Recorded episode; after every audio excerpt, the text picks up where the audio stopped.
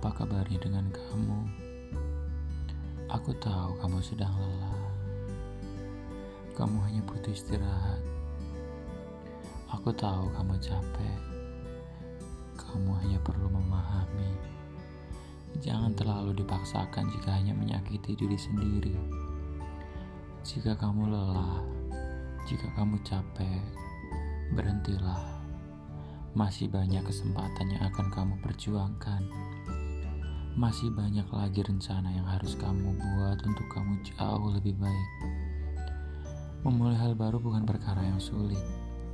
Kamu hanya butuh waktu untuk menyesuaikan semua ini. Setelah itu, kamu akan terbiasa. Semua itu hanya butuh waktu dan proses.